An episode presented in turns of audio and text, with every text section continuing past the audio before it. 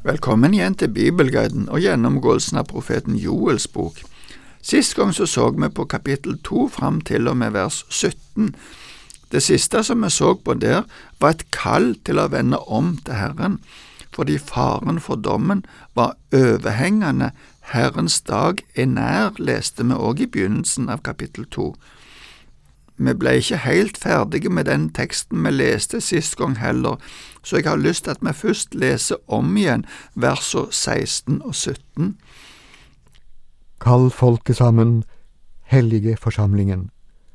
La de gamle samle seg, og la småbarn og spedbarn komme sammen. La brudgommen gå ut fra sitt rom og bruden fra sitt kammer. Mellom forhall og alter skal prestene Herrens tjenere gråte og si, Herre, spar ditt folk, gjør ikke din eiendom til spott, så folkeslag får herske over dem. Hvorfor skal de si blant folkene, Hvor er deres Gud? Profeten oppfordrer til å kalle sammen folket for inderlig å be om frelse. De skal be Herren om å spare sitt folk, vi legger merke til at på samme måten som Moses, da han gikk i forbønn for Israel, så minte han Gud om at det er hans folk.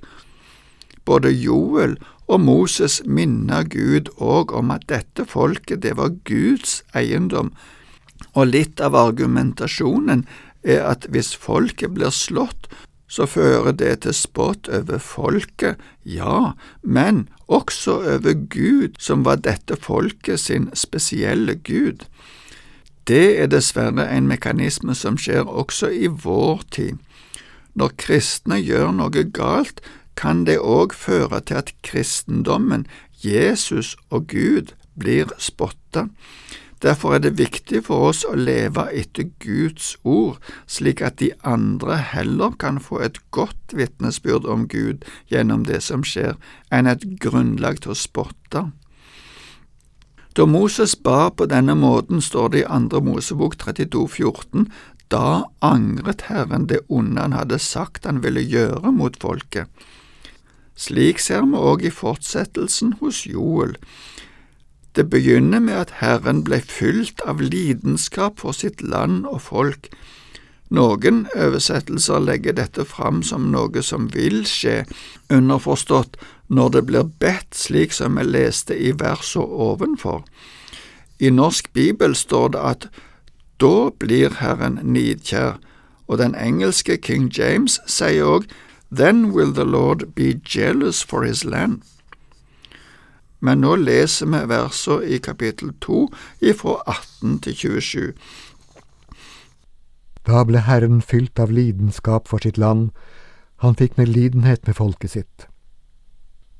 Og Herren svarte sitt folk, Se, jeg vil sende dere korn, ny vin og fin olje, så dere kan bli mette. Aldri mer skal jeg gjøre dere til spott blant folkene. Fienden fra nord vil jeg drive langt bort fra dere og jage til et tørt og øde land, hans fortropp til havet i øst, hans baktropp til havet i vest. Stanken av ham skal stige opp, den vonde lukten hans skal stige opp. Ja, storverk har han gjort. Vær ikke redd, du åkerjord. Fryd deg og vær glad, for Herren har gjort storverk. Vær ikke redde, dere dyr på marken, for beitene i ødemarken grønnes, og trærne gir sin frukt, fikentre og vinstokk bærer rikt. Fryd dere, Sions barn, gled dere i Herren deres Gud, for Han gir dere regn i rett tid, Han lar regnet falle som før, både høst og vår. Hver treskeplass fylles med korn, Pressekummene renner over av ny vin og fin olje. Jeg gir dere igjen for årene da den svermende, den hoppende, den gnagende og den tyggende gresshoppen åt, min store hær som jeg sendte mot dere. Dere skal spise og bli mette og prise navnet til Herren deres Gud, som har handlet så underfullt med dere. Mitt folk skal aldri bli til skamme. Dere skal kjenne at jeg er midt i Israel. Jeg er Herren deres Gud og ingen annen. Mitt folk skal aldri bli til skamme. Landet og bilder fra jordbruket blir ofte i Bibelen brukt som bilde på folket som bor der. At Herren ble fylt med lidenskap, eller nidkjærhet som norsk bibel oversetter det med for sitt land, betyr egentlig at han tar seg av sitt folk. Svaret innebærer fremdeles bildet av gresshoppesvermene. De skulle bli ført ut til et tørt og øde land til havet i øst, som er Dødehavet, og havet i vest, som er Middelhavet. Det innebar òg at gresshoppene ville dø der, og etter gresshoppeplagen så ville landet igjen bære rik frukt. Men hele dette avsnittet med de mange løftene sikter mye lenger fram i tid enn bare å bli hjulpet ifra gresshoppeplagene. Det Gud gir profeten å tale, peker fram til helt andre fiender og en helt annen frelse. Vi skal komme tilbake til det snart. Men det står at fienden kom ifra nord. Det var ofte derifra fiendene kom over Israel. Både asyrerne, babylonierne og romerne kom den veien og i beskrivelsen av den framtidige antikrist så sies det òg at han kommer ifra nord, men vi trenger ikke å ta det helt bokstavelig. I vers 20 står det om fienden at han har gjort store ting.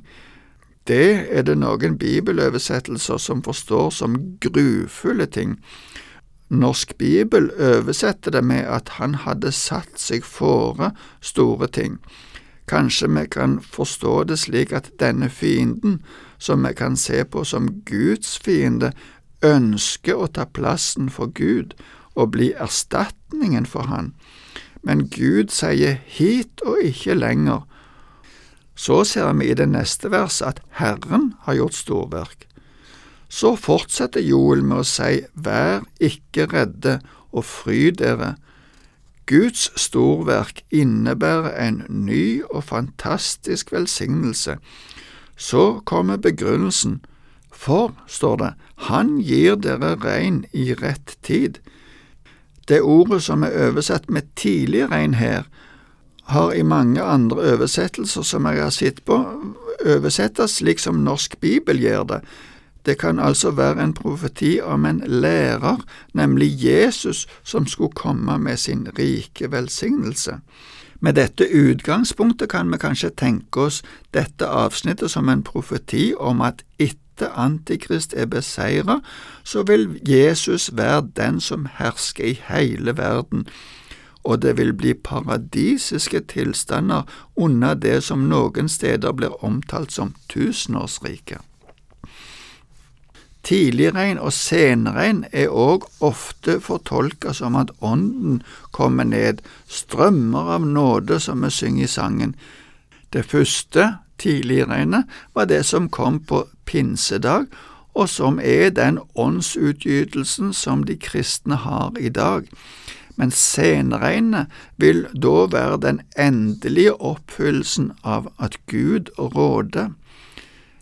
Det kan være både når Israel som folk til slutt vender seg til Herren, eller at både Israel og kristne av alle folkeslag sammen skal prise og tjene Herren.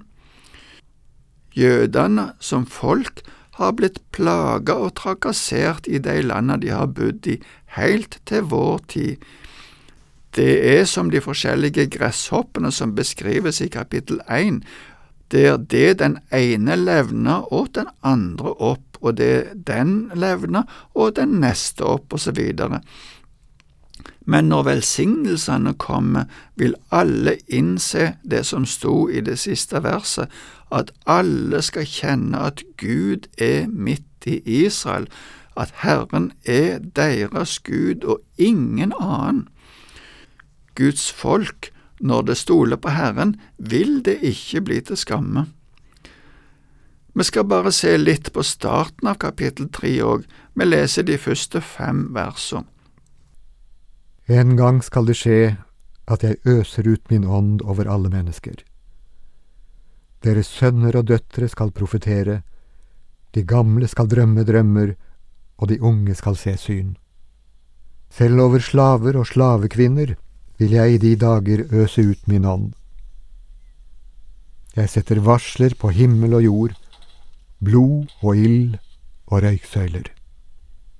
Solen forvandles til mørke og månen til blod, før Herrens dag kommer, den store og skremmende. Da skal hver den som påkaller Herrens navn, bli berget.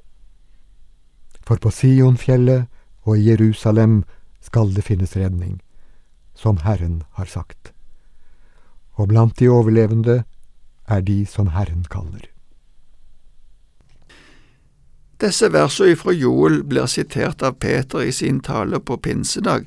I noen bibler er disse versene lagt til i slutten av kapittel to. Du finner dette igjen i Apostlenes gjerninger kapittel to, ifra vers 16 til 21.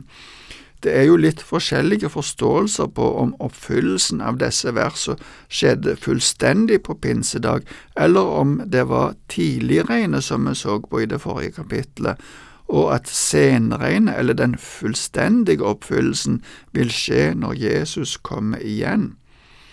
I den gamle pakts tid kom Den hellige ånd bare over enkeltmennesker, og gjerne bare for en begrenset tid men når dette som profeten ser i sitt syn vil skje, står det at den vil komme over alle mennesker. Det innebærer også de som ikke var jøder. Det profetiske perspektivet er gjerne slik at det kan gi en del detaljer om det som skjer, men ikke alltid rekkefølgen.